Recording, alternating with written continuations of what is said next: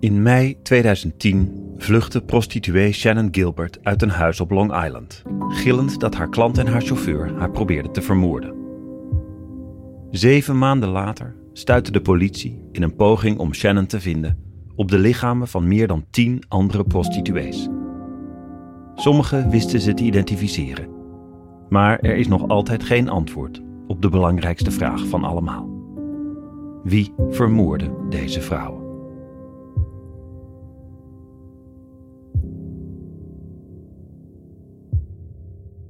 Welkom bij Onopgelost, de Nederlandse bewerking van de Amerikaanse podcastserie Unresolved. Mijn naam is David Lucier en in deze podcast vertel ik over sommige van de meest spraakmakende cold cases van Amerika en de rest van de wereld. Deze aflevering is de vijfde van een reeks over de seriemoordenaar van Long Island. Het verhaal is opgeschreven en geïnterpreteerd door de maker van Unresolved, Michael Whelan. Hij heeft zich gebaseerd op de beschikbare feiten.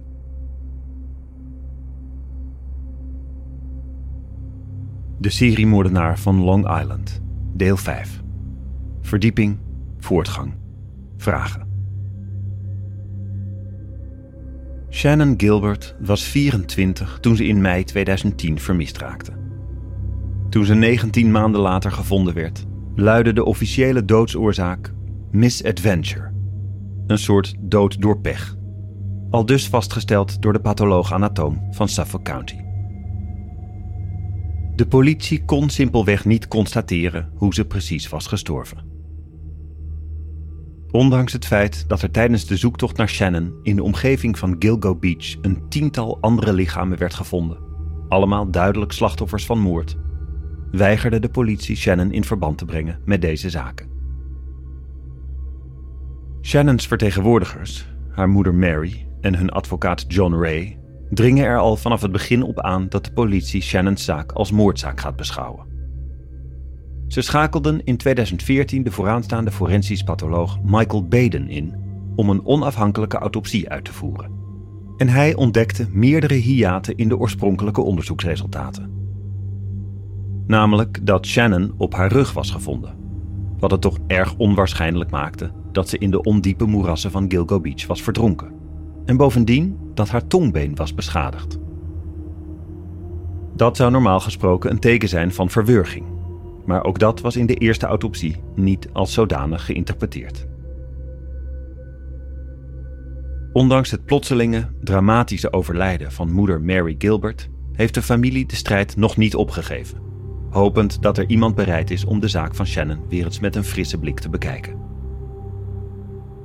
In het politiekorps van Suffolk County hebben de laatste jaren allerlei verschuivingen plaatsgevonden. We hadden het daar in aflevering 4 al kort over en zullen er straks ook nog wat dieper op ingaan.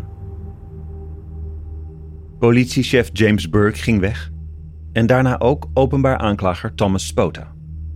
Hun vertrek zorgde voor een nieuwe aanwas aan politiebestuurders. En de familie Gilbert koesterde een tijd lang de hoop dat deze verschuivingen hun zaak wel eens goed konden doen. Een van de dingen waar de familie bijvoorbeeld al jarenlang voor pleit, is het vrijgeven van Shannons telefoongesprek met de alarmcentrales dat ze voerde in de nacht dat ze verdween. De politie blijft immers beweren dat ze Shannons dood niet als een moord benaderen. Dus waarom zouden ze de inhoud van dat gesprek dan geheim houden? In de nacht van haar verdwijning, 1 mei 2010, stormde Shannon Gilbert het huis van een klant uit die klant, Joseph Brewer, beweert al sinds het begin dat hij niets met haar dood te maken heeft. Net als Shannons chauffeur Michael Pack.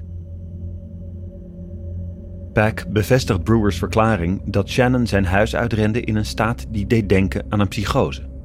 Waarschijnlijk veroorzaakt door een combinatie van harddrugs en haar schijnbaar onbehandelde bipolaire stoornis. Shannons 23 minuten durende noodoproep van die nacht die werd opgenomen door Suffolk County, zou heel veel vragen kunnen beantwoorden. Vragen als: in welke staat was Shannon toen ze verdween? Was ze helder van geest? Was er nog iemand anders te horen? Werd er iemand agressief? Zat er daadwerkelijk iemand achter haar aan toen ze beweerde dat ze probeerden haar te vermoorden? enzovoorts, enzovoorts. Er zou zoveel duidelijk kunnen worden in die 23 minuten. Maar het district Suffolk County weigert het gesprek te delen. De rechtbank heeft de politie van Suffolk County tot drie keer toe een deadline gesteld om de opnames te overhandigen. Maar deze oproep is steeds genegeerd. Districtsadvocaat Elaine Baraga heeft de rechtbank inmiddels laten weten dat de opname van Shannon Gilbert's 23 minuten durende noodoproep deel uitmaakt van een misdaadonderzoek dat nog gaande is en dus niet wordt gedeeld. Maar tegelijkertijd weigert dezelfde politieorganisatie te zeggen of ze Shannon Gilbert's dood als een moordzaak benaderen. En is haar doodsoorzaak nog altijd onduidelijk of misavontuurlijk. Dus de vraag is nu: is er nu wel een misdaadonderzoek of niet? Deze situatie is natuurlijk gekmakend voor de familie Gilbert, die al sinds Shannons verdwijning met dit soort gedraai van de politie te maken heeft. De mensen die verantwoordelijk zijn voor het onderzoek naar de dood van hun dierbaren zeggen in één adem dat haar dood een ongeluk was en dat er een onderzoek gaande is dat ze niet in gevaar kunnen brengen. In een online discussie op het platform Reddit vatte iemand het onlangs als volgt samen. Ik sta helemaal achter het waarborgen van de integriteit van onderzoeken, als die onderzoeken daadwerkelijk integriteit hebben. Het probleem is dat we daar als publiek niet van uit kunnen gaan. Als er geen vooruitgang wordt geboekt, er niets wordt gedeeld van wat ze aan het doen zijn en ze het contact met de nabestaanden afhouden, aan wie leggen ze dan verantwoording af? Wij hebben als burgers recht op een antwoord op die vraag. Bijvoorbeeld door dit soort onderzoeken strenger te reguleren. Hier wordt iets interessants gezegd. Want het feit dat het district Suffolk County weigert een politieopname van meer dan tien jaar geleden vrij te geven, staat lijnrecht tegenover wat we als burgers van de politie zouden mogen verwachten. Zeker als je bedenkt dat die opname ook nog eens betrekking heeft op een zaak waarvan ze niet willen zeggen of ze hem onderzoeken. Het is onethisch. En aangezien ze met hun weigering ook een order van de rechtbank negeren, is het waarschijnlijk ook illegaal. Het is niet aan ons om te zeggen of Shannon Gilbert wel of niet vermoord werd. En al helemaal niet of er in dit onderzoek iets verdoezeld wordt. Maar als je de recente onrust binnen de politietop van Suffolk County in ogenschouw neemt, begin je toch bijna zoiets te vermoeden.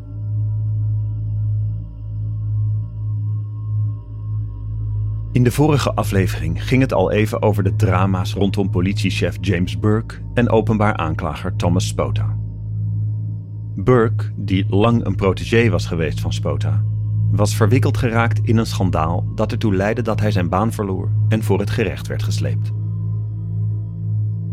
Dit kwam allemaal door een incident in 2012, toen een drugsverslaafde crimineel genaamd Christopher Loeb een SUV jatte die van James Burke bleek te zijn. De auto had volgelegen met wapens, munitie, sigaren en een sporttas met allerlei seksspeeltjes en pornovideo's.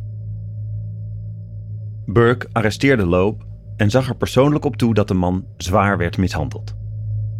Zo zwaar dat Burke, de zittende politiechef van Suffolk County, in beeld kwam bij de FBI. Er werd een federaal onderzoek naar hem ingesteld en dat bracht een kolossale hoeveelheid vuiligheid naar boven. Het bleek dat Burke al tientallen jaren stelselmatig de wet overtrad, maar dat hij zich telkens weer uit de problemen wist te werken, vooral door de politieke invloed van zijn mentor Thomas Spota. In november 2016 werd Burke veroordeeld tot 46 maanden cel voor een hele waslijst aan overtredingen, waaronder het schenden van de rechten van gevangenen en obstructie van de rechtsgang. Als klap op de vuurpijl werd Thomas Spota in oktober 2017 eveneens aangeklaagd voor obstructie van de rechtsgang. Onder andere omdat hij, volgens de FBI, samen met Burke en nog een handlanger het federale onderzoek naar Burke had proberen te vertroebelen. Spota trad af als openbaar aanklager op 10 november 2017 en werd na een jarenlang voortslepende rechtszaak, die hij grotendeels financierde met de schenkingen aan zijn vroegere campagnes, in 2021 veroordeeld tot een celstraf van vijf jaar. Waarom vertellen we dit nu allemaal? De lotgevallen van de voormalige bestuurders hebben immers geen invloed meer op de voortgang van het onderzoek. Inderdaad.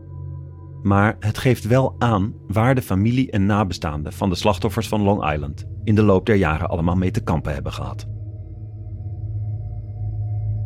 De beide mannen hebben immers jarenlang hun stempel gedrukt op de zaak.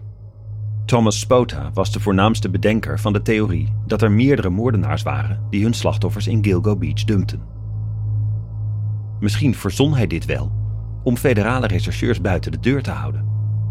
Immers, als er meerdere moordenaars zouden zijn, met minder slachtoffers per persoon, zou dat veel minder snel de interesse wekken van de FBI dan wanneer één moordenaar verantwoordelijk was voor al deze lijken, zonder dat iemand hem ooit in de gaten had gehad. En dan heb je ook nog James Burke, de politiechef die de dagelijkse leiding over het onderzoek had. Stel dat sommige van zijn criminele uitspattingen in de buurt van Gilgo Beach hadden plaatsgevonden. Dan zou hij alle reden hebben gehad om de FBI op zo groot mogelijke afstand te houden en ze waar mogelijk dwars te zitten. Nou, die reden had hij dus ook.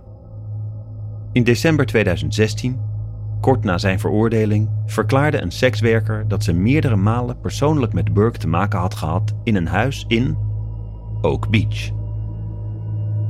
Ze had ruige seksuele handelingen bij hem moeten verrichten, waarbij van alles kwam kijken. Onder andere nog meer sekswerkers, vreemden en ook het gebruiken van harddrugs zoals cocaïne. Een van die avonden had zelfs plaatsgevonden in 2011, op een steenworp afstand van de plekken waar, precies in diezelfde periode, de lichamen werden ontdekt. Er is geen reden om aan te nemen dat James Burke zelf iets te maken had met de lichamen die in Gilgo Beach werden gevonden. Maar als je bedenkt hoe weinig vooruitgang er is geboekt in de jaren na de onthulling van de meer dan tien lijken, hoe volstrekt onethisch het gedrag van politiechef Burke is geweest, en hoe Suffolk County zelf keer op keer heeft geweigerd om te voldoen aan de verplichtingen die de rechtbank hen oplegde, dan kan je je toch afvragen of dit onderzoek wel in de handen van de juiste mensen is.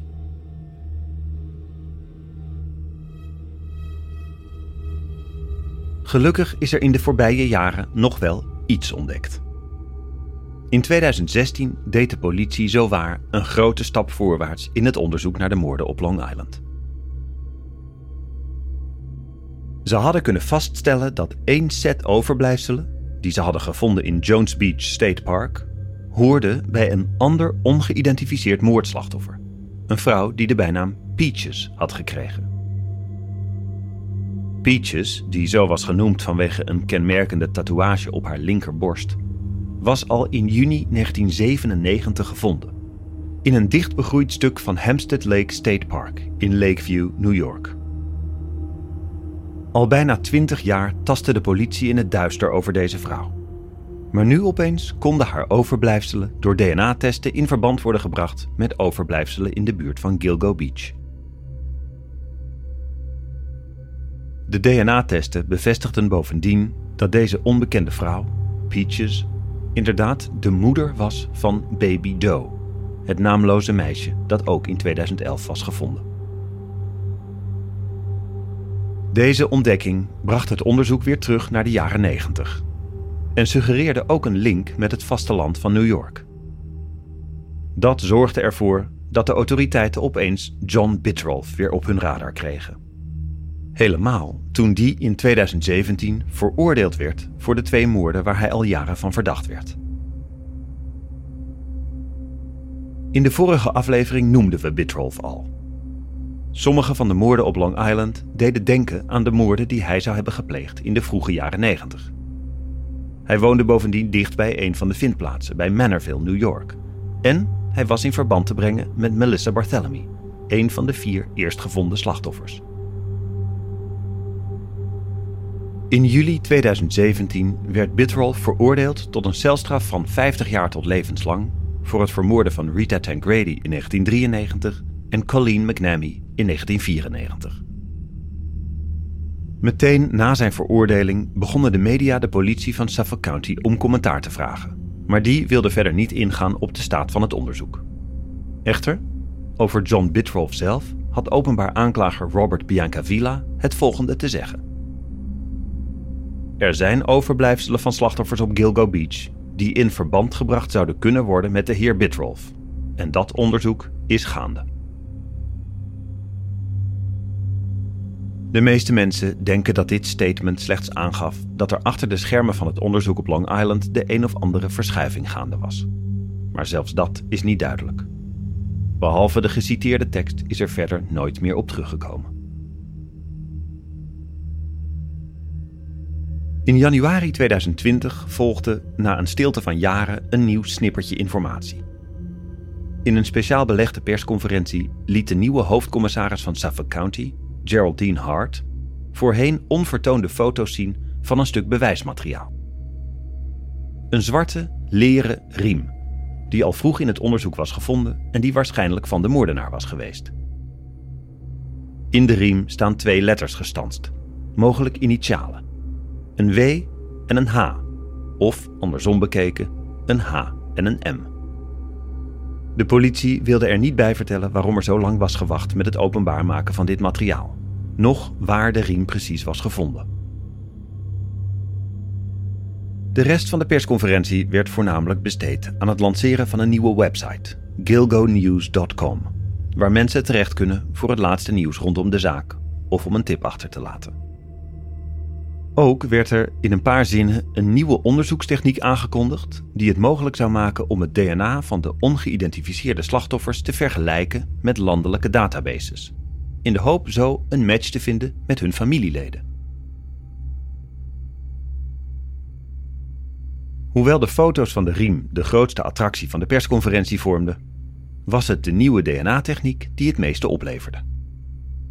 In mei 2020 was er opnieuw groot nieuws in de zaak toen een van de slachtoffers van Gilgo Beach, de vrouw die tot dat moment bekend stond als Jane Doe nummer 6, werd geïdentificeerd. Het bleek te gaan om Valerie Mack, een prostituee uit Philadelphia die in het jaar 2000, toen ze 24 was, voor het laatst gezien werd in Port Republic, New Jersey, een plaats vlakbij Atlantic City. Haar DNA leverde een match op met dat van een tante. En later bevestigde een DNA-test van haar inmiddels volwassen zoon haar identiteit. Net als bij Jessica Taylor waren de overblijfselen van Valerie Mack aangetroffen op verschillende plekken. Haar bovenlichaam was gevonden in Manorville, haar hoofd, armen en rechtervoet in Gilgo Beach. Van de vier vroege slachtoffers, van wie de resten over meerdere graven werden verdeeld, zijn er nu dus twee geïdentificeerd. Van de andere twee, Peaches en de vrouw wier benen op Fire Island werden gevonden, kennen we de namen nog altijd niet.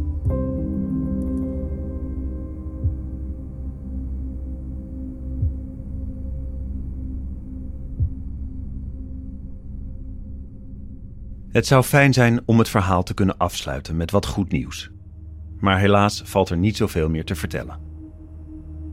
De onderzoekers zijn er nog altijd niet uit of we hier met één of meerdere moordenaars te maken hebben. Desondanks staan de feiten vast. Meer dan tien slachtoffers, één man en de rest vrouwen, zijn gedood door een gruwelijk anoniem kwaad dat hoogstwaarschijnlijk al jaren uit de greep van justitie heeft weten te blijven. Twee korte verhalen nog. In december 2015 werden de lichamen van twee vrouwen gevonden in de bossen net buiten Brockton, Massachusetts. Volgens de FBI het werk van een ervaren moordenaar die waarschijnlijk opnieuw zal moorden. Beide slachtoffers, de een rond de 50 jaar oud, de ander begin 20, waren prostituee en drugsverslaafd. Klinkt bekend, nietwaar? In juli 2015 kreeg een prostituee in Charleston, West Virginia, de schrik van haar leven toen haar klant, een middelbare man genaamd Neil, plotseling extreem gewelddadig werd. Ze vocht voor haar leven, wist zijn pistool te pakken te krijgen en schoot hem dood. Neil Falls, zoals zijn volledige naam luidde, bleek een potentiële seriemoordenaar te zijn. Met een auto vol instrumenten en gereedschappen die bedoeld waren om de vrouw te vermoorden en haar lichaam te verbergen. Hetgeen ook vast en zeker gebeurd was, als ze zich niet had verdedigd. De politie is bezig Neil Falls zijn bewegingen te herleiden en vermoedt dat hij wel eens verantwoordelijk zou kunnen zijn voor meerdere moorden op vrouwen door het hele land. De slachtoffers waarnaar gekeken wordt, waren allemaal prostituees en adverteerden hun diensten online. Zelfs als blijkt dat deze laatste twee verhalen niets met de moorden van Long Island te maken hebben, dan laten ze alsnog een trend zien. Het lijkt wel alsof er gemoord wordt voor de sport. Sinds de infame opkomst van Jack the Ripper kiezen veel moordenaars hun slachtoffers uit vanwege hun plaats in onze samenleving. Ze zijn arm, zwak en snel vergeten. Het is te hopen dat hier verandering in komt. Want deze mensen zijn onze zusters, moeders, dochters, vrienden of buren. Voor hetzelfde geld waren we het zelf geweest. Tot op de dag van vandaag is de zaak van de seriemoordenaar van Long Island nog altijd onopgelost.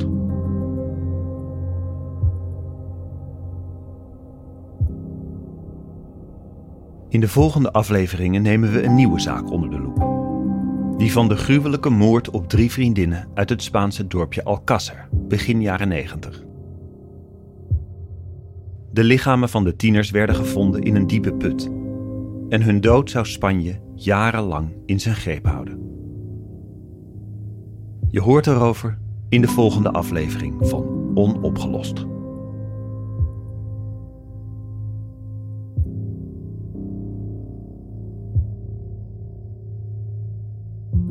Dit was Onopgelost, de Nederlandse bewerking van de Amerikaanse podcast Unresolved. Geschreven door Michael Whelan, vertaald en verteld door mij, David Lucier. Onopgelost is een productie van Dag en Nacht Media in opdracht van Podimo. De montage en mixage is gedaan door Jasper Bogaert, de productie door Lisa Ruseler en Anne Janssens. Graag tot volgende keer.